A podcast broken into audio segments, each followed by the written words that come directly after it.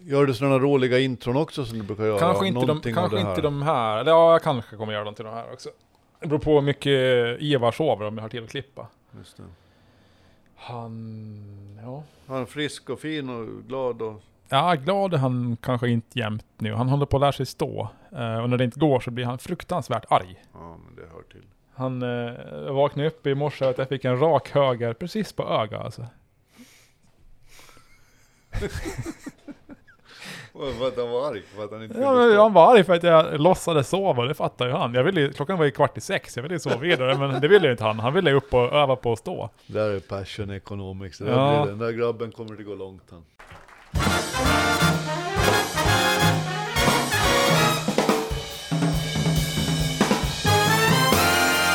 Då säger vi hej och välkomna till ännu ett specialavsnitt av Ålands Handel, där vi grottar ner oss i roliga och inspirerande ämnen eh, för att ge våra kära lyssnare lite rolig sommarlyssning helt enkelt. Eh, jag heter Fredrik Rosenqvist och med mig har jag som vanligt Jörgen Pettersson. Och idag ska ni faktiskt vara uppmärksamma på riktigt. Förra veckan kommer ni ihåg att vi pratade om passion economics, hur man ska göra för att få företagen att snurra och hur du själv ska bli en lite lyckligare människa. Det gjorde vi på fullt allvar, för vi tror faktiskt att vi har en hel del till lära just dig. Och idag tar vi det här ytterligare ett steg, där eh, Dr. Rosenqvist nu har grottat ner sig i någonting som heter deep work, Mm. som jag faktiskt inte har en susning om vad det handlar om. Ja. Men jag ser mycket fram emot att lära mig mer om just detta. Och jag hoppas att du också gör det. Vi kommer till dig med visdom. Mm. Och i, i grund och botten handlar det om eh, förmågan att kunna fokusera. Så när du har lyssnat på det här avsnittet och lärt dig allt om att fokusera så får du lyssna igen. För då är du fokuserad, typ. Eller? Andra eller tredje gången. All inlärning kräver Ja. repetition. Nej, men vi, eh, orsaken till att jag ville prata om det här det är att jag läste en bok här nyligen som heter eh, Deep Work av Cal Newport. Eh, inte egentligen tycker jag en speciellt bra bok, men det här med deep work eh, och fokus är någonting som jag har ägnat mycket eh, tankekraft åt under ganska många år. Och den här satte igång lite nya kopplingar i hjärnan som jag tänkte att nu måste, jag, nu måste vi prata om det här, för det är så, så otroligt viktigt tycker jag. Ehm, för eh, jag är 42 år gammal och det viktigaste jag har lärt mig hittills i livet skulle jag säga att förmågan att kunna fokusera på rätt saker avgör uh, hur lycklig du är som människa och hur framgångsrik du är. Jag är 56 år gammal och jag håller med till varje punkt. Ja, Det absolut största hindret mot all sorts framgång är spretighet. mm. När man Spretighet, inte lyckas fokusera på just det som man borde göra Mm. just den stunden. ja, eller fokusera på fel saker som är destruktiva och som gör ditt liv sämre. Det, är, det låter enkelt, eh, men det är för att det, det, det är ganska sant. eh, det här. Eh, och vi gick igenom förra veckan eh, Bara en sak Ja. först innan du går in på Ja. mera fakta här. Du som lyssnar på det här har antagligen idag ätit frukost. När du skulle sätta på kaffe så såg du att bordet borde torkas av lite. Och när du torkade av bordet så tittade du ut genom fönstret och såg att gräsmattan antagligen skulle behöva klippas. Men eftersom bensinen just för ögonblicket är slut så borde du först åka och handla bensin för att du ska kunna klippa gräset. Här re- reagerar din impulskontroll, ursäkta min harklighet, genom att du går ut i bilen, tar tanken, kör till bensinmacken, fyller på bensinen, återvänder hem, för till upptäcka att kaffe som du satt på till frukosten nu har kallnat. Mm. Så grattis, i denna morgon så har du lyckats förstöra hela din morgon genom att inte ha förmågan att fokusera. Mm. Och för att du ska slippa vara med om det här igen ska du nu lyssna på vad Fredrik säger.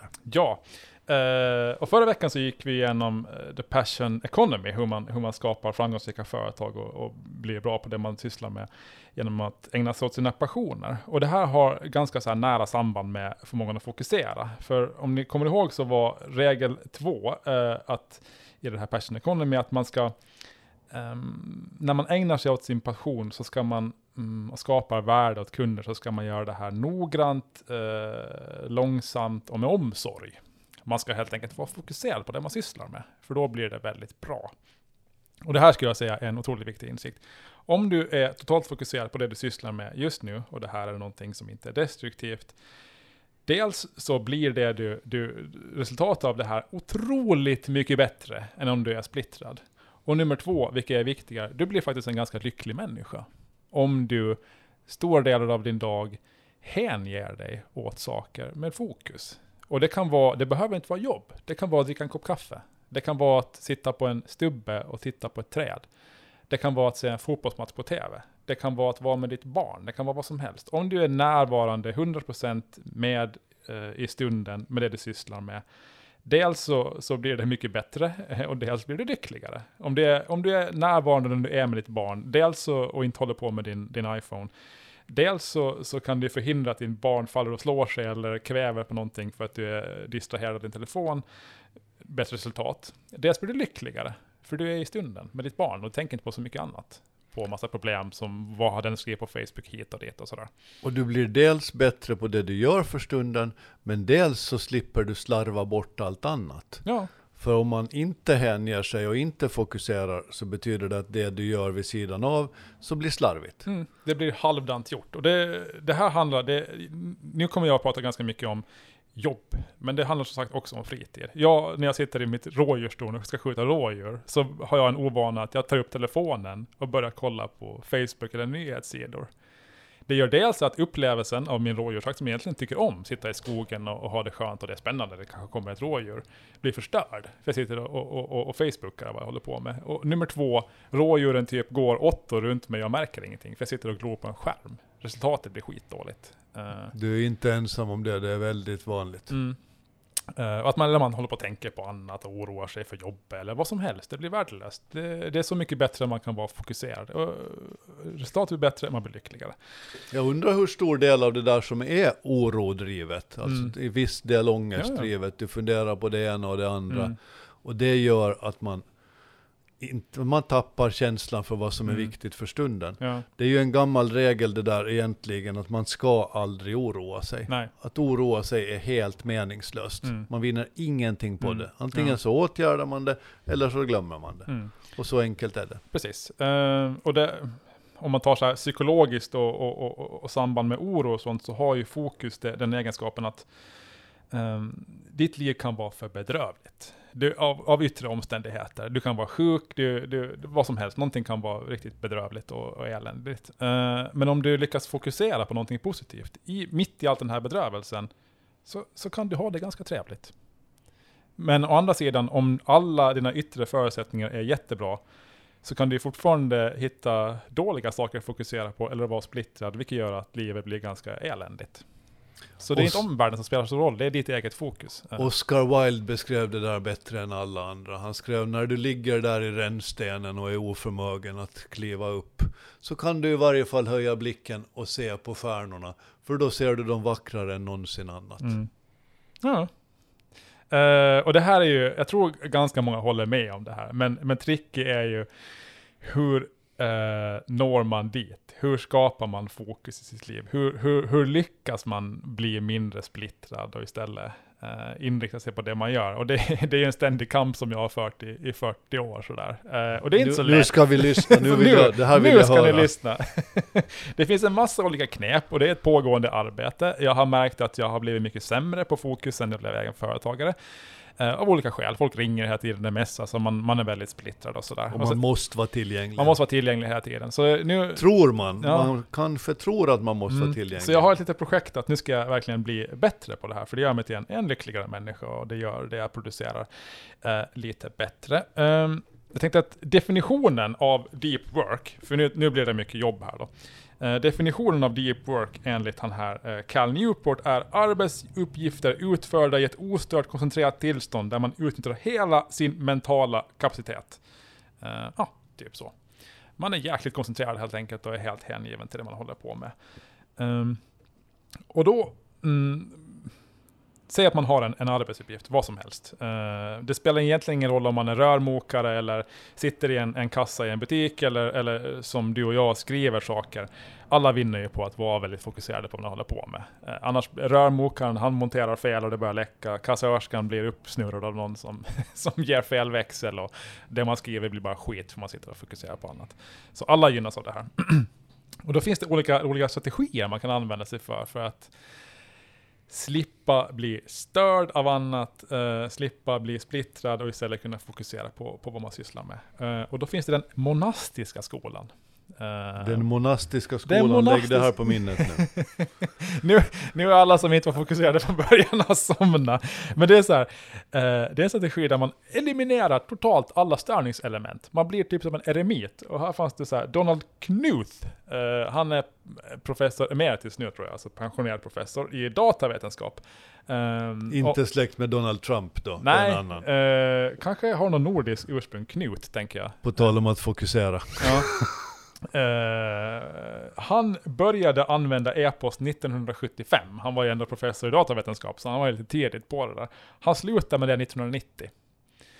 För han skriver böcker, han har inte tid att kolla sin e-post. Han vill inte bli störd av att behöva svara på e-post och titta på e-post. Så han, han, han slutade använda e-post 1990. Uh, eh, på hans hemsida finns det ingen e-post, inget telefonnummer. Om man vill nå den kära Donald, då måste man skriva ett brev fysiskt brev som går till hans sekreterare som sen sållar ut de som är viktiga och ger det till honom. Så gör han. Vad tycker han om Facebook och Twitter och Instagram? jag vågar, jag tror inte han använder dem.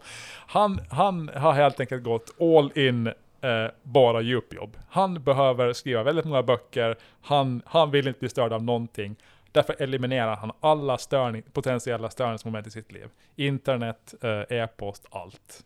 Tänk om man skulle göra så. Ja. Vad skulle effekten egentligen bli? Jag tror att jag skulle tappa all form av input. Mm. Jag skulle inte ha en aning om vad som händer runt om mig. Nej. Men, men det jag skulle skriva skulle antagligen bli bättre. Ja. Sen är det ju väldigt få, alltså man, man, man, väldigt få kan ju verkligen göra så här på riktigt. Man behöver ju vara typ professor i datavetenskap som bara skriver böcker. Uh, det är ju väldigt få som kan alltså helt gå offline på det här sättet. Men, Men vissa, man kan köra kan. det under 4-5 timmar per dag. Ja, och då kommer vi till göra. den här eh, bimodala skolan.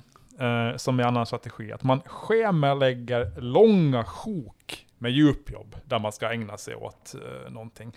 Eh, det här är väldigt vanligt bland författare. De ska skriva en bok. Eh, då tänker de, nu, nu, måste jag få koncentrera mig på det här, jag får inte bli störd. De sätter sig i en författarstuga på Enklinge, de hyr en, en, en lägenhet i Toscana, eh, de gör någonting, och så sitter de och skriver tre månader i sträck och sen är det klart. Eh, ja, där de inte har någon e-post. De, de, de får liksom blir eremiter i under liksom ett par månader eh, per år. Mm. Också bland, bland forskare, de tar ju sådana här, åtminstone i USA så har man ju sådana här sabbatical, så att man, man är befriad från undervisning i ett år eh, med jämna mellanrum. Där man får, får tid då att, att forska, skriva vetenskapliga artiklar, skriva böcker och så vidare. För att man, man behöver inte bli störd av allt det här. Deras undervisare med massa studenter som har massa konstiga frågor och håller på och e-postar och sådär. Det där gjorde Bill Gates såg jag i filmen om honom. Jo en eller två veckor varje år där han satt sig i en stuga någonstans och bara läste böcker. Absolut. Och jag uh, tänkte när jag såg det att det där skulle jag vilja göra. Mm. Men, men det är ändå någonting som hindrar. Vad, vad, vad, är det bara för att man är lite enkel eller vad är, vad är det Men det, som... dina, det, det ska bryta vanor. Det är svårt att bryta vanor. Bill Gates han har sin Think Week. Jag tror det är ett par gånger per år. Så, så åker han iväg och bara tänker. Han är totalt avskärmad från allting. Men du, här kommer vi in till det som vi pratade om i det förra avsnittet om mm. passion economics, att man är en produkt av inte bara sig själv utan också av sin omgivning. Mm. Och där tror man att omgivningen kräver att man alltid ska vara med. Mm. Ja. Och det kanske inte är sant. Det mm. kanske är bara ens egen märkliga föreställning. Mm. Plus att man kanske är rädd för vad man eventuellt ska missa. Jo, jo. Som ungdomar idag som sitter och instagrammar hela ja. nätterna. För vad kan man missa? Ja, vad kan du missa liksom? Du har FOMO, dels det här liksom, folk kommer att tycka att jag är ett, eh, ett rövhål om jag, om jag inte svarar på mail på en vecka. Säg FOMO igen. FOMO. Jo, vad betydde det? Fear of missing out. Fear of missing out. Vi har Ja. pratat om det där förut. YOLO och FOMO, det gäller att hålla koll på de här. Och YOLO var you only live once. Mm. Eh, den andra breda sättet att ta sig an det här, att kunna få in fokus i sitt liv och, och djupjobb, är den rytmiska skolan. Man ser till att göra det lite varje dag. Man, man, man, två timmar varje dag, så, så, så ska man ägna sig åt fokuserat arbete. Vilken skulle man föredra? Jag tror jag skulle för... Det där skulle vara ett första steg på vägen. Mm. Du, liksom, du bestämmer så här, mellan 9 och 11 varje dag, då ska jag liksom stänga av allt och bara sätta mig och ägna mig åt det här 100% eh, och sen är jag klar med det. För man kan egentligen bara, en normal människa kan bara ägna sig åt fyra timmar djupjobb varje dag.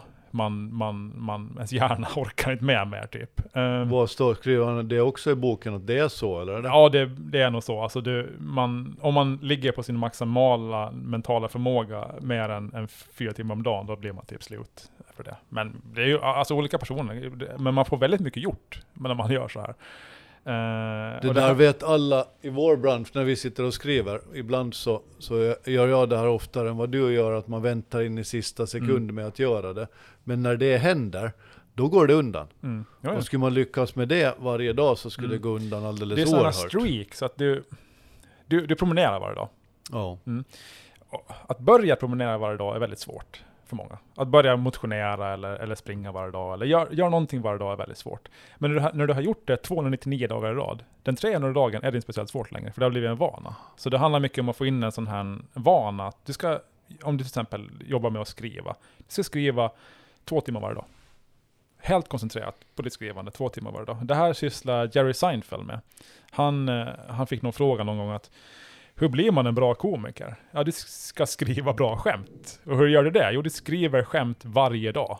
Han gjorde det, några timmar varje dag, satt han sig ner och skrev skämt. Det spelar ingen roll hur inspirerad han var eller vad som helst. Han satt sig ner och gjorde det här varje dag. Eh, och då blev han världens mest framgångsrika komiker. För tusen år sedan så hade vi en konsult in som skulle berätta hur vi skulle jobba på Ålandstidningen med att skriva texter. Han sa några saker som i vart fall fastnade hos mig. Jag kanske inte är bra på att efterleva dem alltid. Men, men det gick i stort sett ut på att ingenting händer spontant. Nej. Du hittar aldrig på ett skämt spontant, du hittar aldrig på en bra artikel spontant. Om du går omkring och väntar på att du ska få flow någonstans ifrån så kommer det aldrig att hända. Mm. Utan det enda sättet att skapa någonting som har klass är att sätta sig ner och koncentrera sig. Ja, det är ganska exakt Det är enda sättet som Mm. man gör det på. Och så har alla, det finns ett bra citat, stora genier tänker som konstnärer men arbetar som revisorer. Just Det är inte så att man får feeling, utan det sätter sig ner varje dag.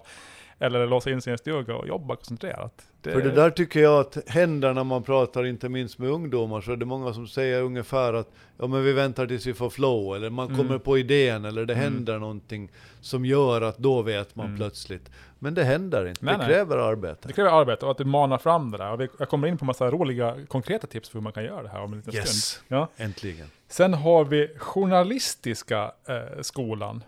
Här, här kommer det att plinga till eh, klockor både hos mig och dig, för det här, det här eh, an, anammar vi. Det här är det journalistiska, eller småbarnsförälderskolan, skulle jag nästan vilja kalla den för. Check, check, Och det check. här handlar om att en, en eh, metoden eller förmågan att börja eh, gå in i det här djupjobbet, det här koncentrerade tillståndet, när som helst, var som helst, när det behövs och när det finns tid. Det vill säga, som journalist, eh, du sitter på jobbet, du har inte så mycket att göra. Som journalist kan vara ganska, ofta är det ganska så här lugnt. Det är så här, inget speciellt högt tempo, utan du, du skriver på lite grann. Sen händer det någonting. Och så märker du eh, någonting, en stor nyhet. Och du måste skriva eh, en eller ett par artiklar på väldigt kort tid, för det är ganska nära deadline. Då går man in i det där. Eh, man, alltså, man skulle kunna spränga en atombomb vid sidan av en. Man ska inte ens märka det. Man, man skriver klart. Eh, och när man börjar skriva tänker man, hur ska jag hinna med det här? Det är omöjligt. Och så börjar man skriva, och sen vaknar man upp ur det där flowet, och så märker man, okej, jag blev klar på halva tiden vad jag måste jag trodde. Har du varit med om det här? Tusen gånger. Tusen gånger, den är, det är en sån känsla alltså. Eh, och det här är en förmåga som vissa människor har, om man tränar sig i det som journalist, att när det behövs så kan man gå in i det här djupjobbet. Eh, Walter Isaacson, som skrev Bill Gates biografi, han är, han är känd för Och den här Steve förmågan. Jobs väl, inte Bill Gates? Nej, Skrev han eh, Bill nej, Gates Han också? kanske skrev Bill Gates. Steve Jobs tänkte jag på ju. Ja. Eh, finns stories om han, hur han lyckades skriva de där böckerna. Att han, han kunde vara liksom hans familj och hans vänner hyrde någon stuga vid någon, vid någon så här nice ort och, och sådär. De andra gick ut till stranden och han bara, nej men jag går in och, och jobbade en stund. Och så gick han in och skrev på sin bok, hackade ut ett par hundra sidor. Och sen kom han ut och sa ah, hej hej, och så satt han där. Så han kunde liksom knäppa det där på och av hela tiden. Utan när det fanns tid, eh, då skrev han. Eh, så det är ju också ett sätt. Istället för som Bill Gates som åkte på sina tänkarveckor. Så Walter Isaacson, han, han gick runt, han lallade och sen märkte han, här, nu finns det en timme jag kan klämma in lite djupjobb och då bara... så där kan jag faktiskt arbeta, så då ja. brukar jag kunna göra det och det är, en, det är en väldigt uh, bra förmåga som man skolas i som journalist, att man, man kan uh, när det behövs. Om Men du sen kan släppa det när du går ut till din familj efteråt, ja. för det är ju den svåra konsten. Ja. Det liksom... Att det sitter kvar i dig mm. och att du då är någon helt annanstans, fast du kanske rent fysiskt råkar vara mm. på plats. Mm. Men din hjärna är någonstans långt borta och då, då, det, det skapar ingen lycklig människa. Nej. Alltså, du, liksom, du, du lyckas släppa det där, men ändå gå in i en sån här djup koncentration. Och det, det, den där växlingen är, rolig, men Walter Isaacson är och, och var bra på den. Eh, och hans böcker, det är ju ingen lek kan vi säga. De är otroligt välskrivna. Han har ju skrivit ja. så här, matematikens historia som är så här, alltså jag förstår ingenting när jag läser dem. så det är, en, det är en smart kille. Steve alltså. Jobs var jag väldigt imponerad av, för mm. han lyckades faktiskt berätta på ett fint sätt om en galen människa. Ja. Um, nu tänkte jag så här, okej okay, nu är folk lite så här, vad okej, okay, hur, hur, ska jag ta med mig det här? Hur, nu, nu, jag vill jobba mer fokuserat och jag vill vara mer fokuserad på, kanske på min fritid. Hur ska jag göra? Var, var ska jag börja? Jag kanske inte kan åka på tänkarveckor och jag, jag är inte journalist, jag kan inte jobba sådär. Så nu har jag lite så konkreta tips på hur man ska göra. Uh, och jag, kanske, jag tror att du använder några av dem. Um, så det ska bli kul att höra vad du tycker om dem. Um, ett tips är att uh, jobba hårt och sen vara helt ledig när man är ledig.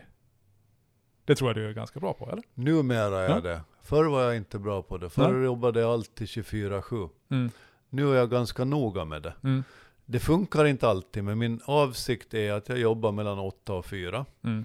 Och på kvällarna så jobbar jag inte. Mm. Och på helgerna så jobbar jag inte. Nej. Och det är ett väldigt bra råd som i princip alla ger. Att när man är ledig, då ska man vara ledig du ska inte kolla din mail, du ska inte göra det här. Och det här säger ju alla, men det är ingen som följer det här rådet. Och man ska inte ha kontoret hemma. Nej. Det här har blivit svårare i dagens ja, läge med de telefoner som man använder att, mm. att kolla mailen. Och, ja. och visst slarvar jag, det gör jag ofta. Mm. Men, men min avsikt är att göra mm. det där. Och bara det att man, man har en avsikt att göra det, mm. så ligger det på en sån här. Och sen att absolut inte ha kontor hemma, det, det tror jag att det, det, och Ett bra vara. tips i, som var i den här boken av Cal Newport, det är att ha en, en ritual. Han, han, bygger upp mycket av det här hur man skapar förutsättningar för fokus i att man har olika ritualer, som är lite sinnessjukt, men, men det är vilket fall som helst. Att man ska ha en ritual i slutet av dagen. För en sak som jag har tänkt på är att när man jobbar som, som jag gör nu, så då har jag projekt som som journalist så skrev man klart sina artiklar, alla sina artiklar förhoppningsvis, och så gick man hem och så hade man inget mer på sitt bord, man var klar. Men i många yrken så är man ju, det finns saker som man borde göra, mejl som är obesvarade, projekt som ligger långt fram i tiden. Och det här kan ju leva, leva kvar under kvällen sen. Men hans tips är helt enkelt att lägga 15 minuter varje dag, eh, i slutet av det sista man gör på arbetsdagen, att gå igenom, okej, okay, vad, vad, vad har jag ogjort? Eh, och då ha någon sorts eh, mental eller fysisk plan för att hur ska jag utföra de här uppgifterna och när ska jag göra dem? Att man har en plan för allting. Och då blir det inte längre dåliga samveten. Du har så här, okej okay, det här är ett mail som jag borde svara på, jag hinner inte nu, just nu. Men då, då säger man att okej, okay, jag, jag, ska svara på det på torsdag. Då kan man släppa det. För man behöver inte liksom bekymra sig över hur ska jag hinna med det här, när ska jag göra det? Utan jag ska göra det på torsdag. Men det är inte torsdag då, det är måndag. Så då gör jag det sen. Och sen så när man har gjort det här, man har liksom inga lösa trådar, då, då, då säger man högt, alltså högt ut att nu är det färdigjobbat för idag. Och så går man hem och är ledig. Man ska säga det varje dag. det tror jag att det är en ganska bra idé. Ja. Jag har inte gjort sådär. Jag brukar sätta ner en lista över mm. saker som ska göras. Och i och med att jag mm. satt det på en lista mm. så kan jag slappna av. Jo, jo, för då man, behöver jag inte ha det i skallen. Nej, man ska inte ha det i skallen när man ledig. Utan man ska, man ska ha liksom en plan för, okej, okay, en lista eller någonting. Och känna att man inte har dåligt samvete med någonting. Och sen ska man säga högt för sig själv, nu är det färdigjobbet för idag, nu går jag hem. Och så gör man det, och så gör man något annat. Jag har testat att göra den där listan på datorn, men det har aldrig funkat för mig. Jag tycker ja. att det är mera handfast om jag skriver ner dem med en penna på ett mm. papper. Mm. Ja, det är bra. Då tycker jag att det är. Att Det är jag har skrivit ner det, så Mm. då, då, då är det hanterat. Ja. Då är det inte längre någonting som jag, som jag inte vet hur jag ska hantera. Nu. Eh, ett tips, ja, det här är ganska enkelt tips, lite löjligt, men att schemalägga sin dag mer. Det tycker jag eh, borde jag, det ska jag bli bättre på som så här egenföretagare. Att man schemalägger sin dag. Eh, mellan 9 och 11, då ska jag stänga av allting och ägna mig åt det här. Och inte hålla på med massa annat. Eh, utan jag ska göra det. Och sen ska jag äta lunch. Och sen ska jag göra det. Och sen ska jag göra det. Det här, jag vet inte om det funkar för andra, men för mig funkar det här väldigt bra. Att ha ett schema. Nu ska jag göra det här. Och jag ska inte hålla på med annat. Det där är en fin tanke. I ett skede av mitt liv när jag faktiskt behövde strukturera upp ganska mycket så gjorde jag inte riktigt så. Jag satte inte ett helt schema, men jag satte några fasta tidpunkter. Mm. Som att alltid dricka kaffe klockan två. Mm. Det var ett stort steg för mig eftersom jag aldrig hade haft en kaffetid Nej. egentligen. Nej, det har jag aldrig jag heller haft. Och jag började dagen med att alltid läsa Dagens lösen, som är en Ja. religiös tidskrift och som inte ger mig särskilt mycket, för jag är inte särskilt religiös av Nej. mig. Men som blev en slags fast punkt i tillvaron. Mm. Så att söka fasta tidpunkter när man är ganska bubblig. Om man Mm. har en popcornhjärna så är det ganska viktigt att ha några fasta Ja. tidpunkter. Och du kan egentligen, alltså det här med att vara, jobba otroligt koncentrerat, du klarar bara av det mellan en och fyra timmar varje dag. Och en arbetsdag är oftast åtta timmar lång, så att du kan schemalägga tre, fyra timmar så här koncentrerat arbete och resten av tiden så består av att ja, men, kolla mejlen eller eh, läsa någonting du behöver läsa, ringa något samtal, gå på lunch och så vidare. så det finns väldigt mycket luft i schema och sådär. Men, men tricket är att verkligen schemalägga så att du gör en sak i taget. Att du inte sitter och kollar mejlen när du egentligen ska göra den här krävande uppgiften. Eh, Mm. Och sen att du går på lunch, kanske en timme istället för en halvtimme.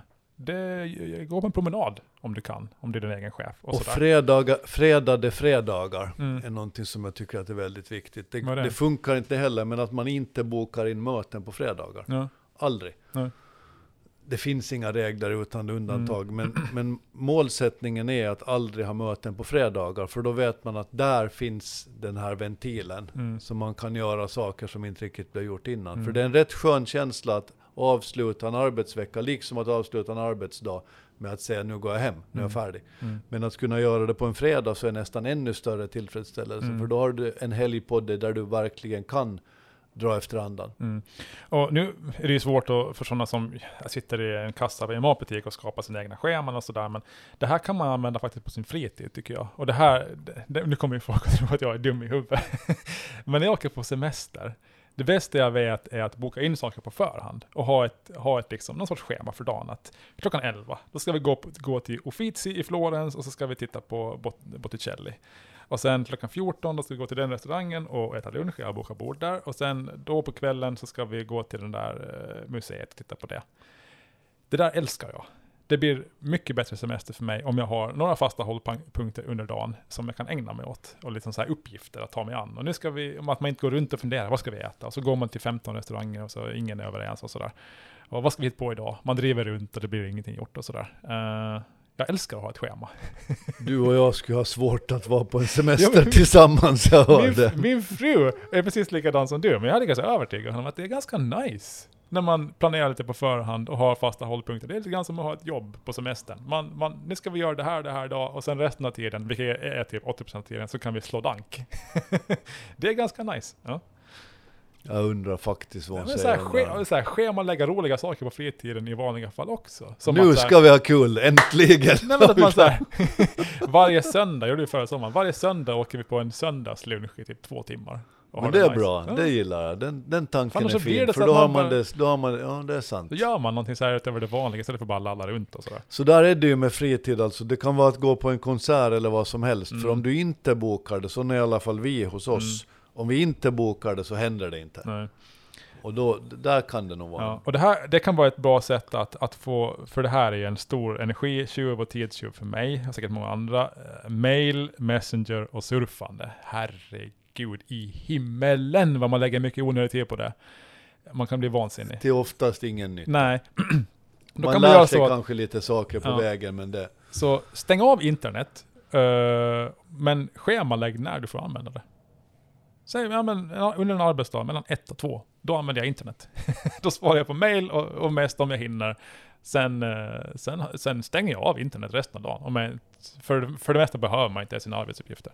Beror lite grann på vad man jobbar med. Men, ehm, Jag tänker så här med alla dessa ungdomar som finns idag som är ständigt uppkopplade på Instagram, på Twitter, på WhatsApp, på Snapchat, på allt vad det Mm. heter, Facebook och så vidare. Eh, och svarar direkt på allting. mm, När jag får, om jag skickar ett mail till någon och folk svarar direkt på Mm. ett mail så blir jag alltid misstänksam Ja. om de faktiskt har tänkt igenom det här Nej. ordentligt. Eller om det är bara med reptilhjärnan. sen, Och det tror jag att blir med det, om man, om, man, om man är ständigt online och ständigt försöker Mm. svara, så blir nog eftertanken lidande. Ja. Och sen är det, om du gillar att kolla Instagram, eh, men kolla inte hela tiden lite grann när andan faller på, du har telefonen nära dig när du håller egentligen på med något annat. Utan lägg en timme varje kväll på att kolla Instagram ordentligt. Då gör du bara det.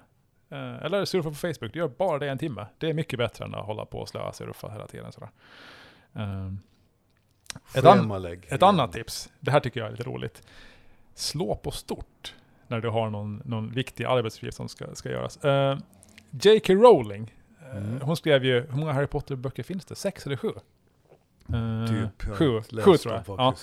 Hon, hon blev ju ganska berömd efter de första kom ut. Då fick hon mer och mer erbjudanden om att göra saker och det var barn hemma, det var hundar och allt möjligt. Hon hade väldigt svårt att skriva klart den här serien. Um, han som skrev den, de böckerna som är till Game of Thrones, han, han, han kommer ju inte att bli klar. Han kommer inte lyckas med det, det går inte.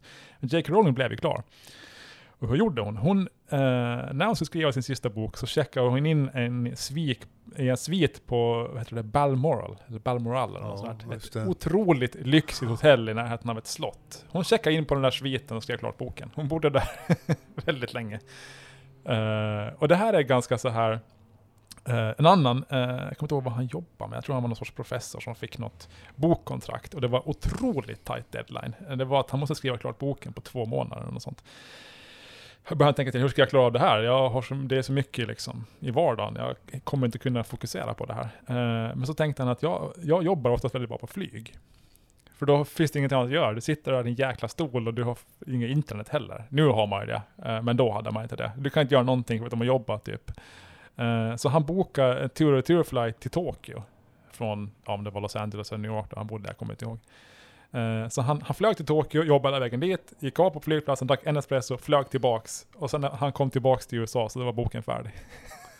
Det där kan jag förhålla mig till. Jag har skrivit oerhört många texter på flygplan. Ja, ja på tåg. På Otroligt tåg. många har jag skrivit alltså. Jag, jag pendlade ett tag mellan, Man mellan sitter Åland sådär som i fosterställning Ja. nästan och hackar. Och jädrar vad det går undan. Ja, jag pendlade ju ett tag mellan, mellan Åland och Lund, jag undervisade i Lund och, och, och bodde på Åland. Eh, så då, då jobbade jag ofta på tåget. Och då var det så här att jag kunde gå in i den där fokus på tåget, för jag åkte ju alltid själv då. Och då blev jag nästan irriterad när man kom fram efter fyra timmar. Fan också, det var, gick så jäkla bra det här att skriva. Eh, jag hade velat sitta här lite längre. Nej, det där fattar jag precis. Arbeta Ja. på resa, jag älskar det. Så nu, nu, nu, har jag, nu har jag en plan för nästa, jag ska testa det här på allvar nu. Eh, Åland är ju helt perfekt. Man kan ju åka på en kryssning till Helsingfors fram och tillbaks själv och bara sitta och jobba hela tiden. Eller Så på. Rosell, turar fram och tillbaks till Rosella en hel dag. Det Risken svåra där- är att det är så mycket folk som Jo, man jag känner. vet, min fru sa det. När man det- åker till Helsingfors då känner man ju ingen. Och det kostar ingenting heller. Istället för att boka en femstjärnig svit eller åka till Tokyo, ja men man åker Viking Line fram och tillbaks till Helsingfors och jobbar i ett streck. Det Kostar ju inte ens någonting. som helst. Ja, så det ska jag testa. Så om ni ser mig på Helsingforsbåten nu någon gång snart så stör mig inte. Jag håller på att skriva någonting. Uh, ja, Det där ska jag testa det tror jag. ja. Sen eh, en, annan, en annat roligt tips är, eh, eller ett tips som jag anammar, jobba inte på kvällen. Värdelöst. Nej, det är Helt aldrig. värdelöst. Ja, det är det värsta. Jag brukar måste göra det när vi är nära deadline. Och Ja, man- ibland det blir, måste Det man, blir men- aldrig bra. Nästa dag är ju förstörd för det mesta. Ja, Man det sover svar- inte lika bra. Exakt. Så liksom, det du gör på kvällen blir inte lika bra som om du har gjort det på dagen. Och sen nästa dags arbete på dagen blir sämre för att du inte är utvilad. Ja, värdelöst. Och på kvällen, läs aldrig nyhetsartiklar på Nej, kvällen. nej, nej, herregud. Det är det sämsta man kan göra. Nej. På kvällen ska man läsa någonting som är fridfullt, skönlitteratur. Mhm. Det är vad man ska läsa eller se på TV. Mm. Man ska inte sätta igång hjärnan innan man går och lägger sig. Vi, nej, vi, vi ser alltid på, på TV eh, en timme, en och en halv timme innan vi går och lägger oss. Gör ingenting annat. Ja, jobb skulle aldrig falla mig in då på den tiden, alltså efter Faktiskt nio. Efter åtta, nio på kvällen, då, nej. Det där är ju någonting som alla säger att sömnen är viktig, men den är otroligt Ja. viktig. För allting, för allt hur du ska göra och, Mm. och särskilt för fokuseringen. Mm.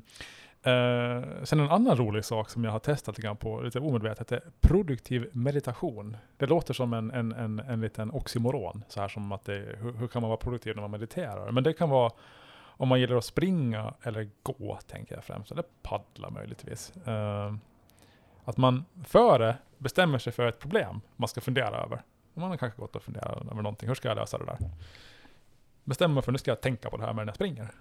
Nu är det här, motsäger lite grann det här med att vara närvarande i sin löpning och sådär. Men ibland kan det vara ganska skönt att fundera över någonting när man är ute och går eller springer. Det här gör jag ganska ofta. Fundera på ett problem när jag är ute och springer. Mm. Man har inga hjälpmedel då, så här. man kan inte skriva ner någonting. Man bara springer och funderar så här på det där. För mig är promenaderna faktiskt kanske tvärtom. Mm. Jag, jag, jag nollställer totalt. Ja. På ett sätt. Å andra sidan så märker jag också att när jag gör mina promenader så blir jag väldigt kreativ efteråt. Mm, jo. Så det ena ger något För mig andra. kommer det igång den här kreativiteten, vilket kan vara lite irriterande. Jag är ute och springer nu varje dag med Ivar i den här med löpkärran och jag får ofta stanna flera Är gånger. han och- nöjd nu att sitta Ja, här? Han är jättenöjd. Han Härligt. somnar ibland också. Wow. wow. Man kommer ju oftast på väldigt bra idéer när man är ute och springer och går. Eh, Steve Jobs, vår favoritsnubbe tydligen, eftersom vi pratar om honom jämt. Han, han hade ju jättemycket, han gick ju alltid ut och promenerade med folk. Mm. Promenad, promenadmöten och promenera och så. Det, det blev ju en trend sen att alla ska ha så här walking meeting och sådär. Mm. Men man är ju väldigt kreativ ofta när man är ute och promenerar. Mm. Bäst är det ju om man, alltså man ska ju koppla av också. Det är bra att vara närvarande i sin löpning och titta på träden och rådjuren som flyger runt. Men ibland så kan man kanske meditera över världens problem när man är ute och springer. Mm. Eller går. Mm. Mm. Eller spela squash. Eller spela, ja det kanske är lite farligt, tänker jag. Där blir det inte så mycket problemlösning.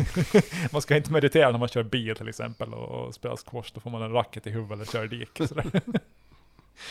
Så, ja, ehm, det är väl typ det. Nu är det så mycket saker vi har gått igenom. Jag tar med mig fyra Ja. timmars djupjobb per dag, inte mer än det. Man kan Nej. schemalägga mellan 9 och 11. Mm, tror att det är väldigt nyttigt. mm, Att fokusera och alltid faktiskt bestämma sig för att göra saker klara. mm, Det är nog nyttigt. Och att ta dessa skärmfria dagar, alltså Mm. skärmfria stunder. ja, Där man kanske schemalägger internet eller hur man gör, men Mm. bestämmer sig för att man i vart fall inte ska vara spretig. nej, precis. För popcornhjärnor är roliga på sitt sätt, men de, de skapar sällan så hemskt mycket. Mm, ja.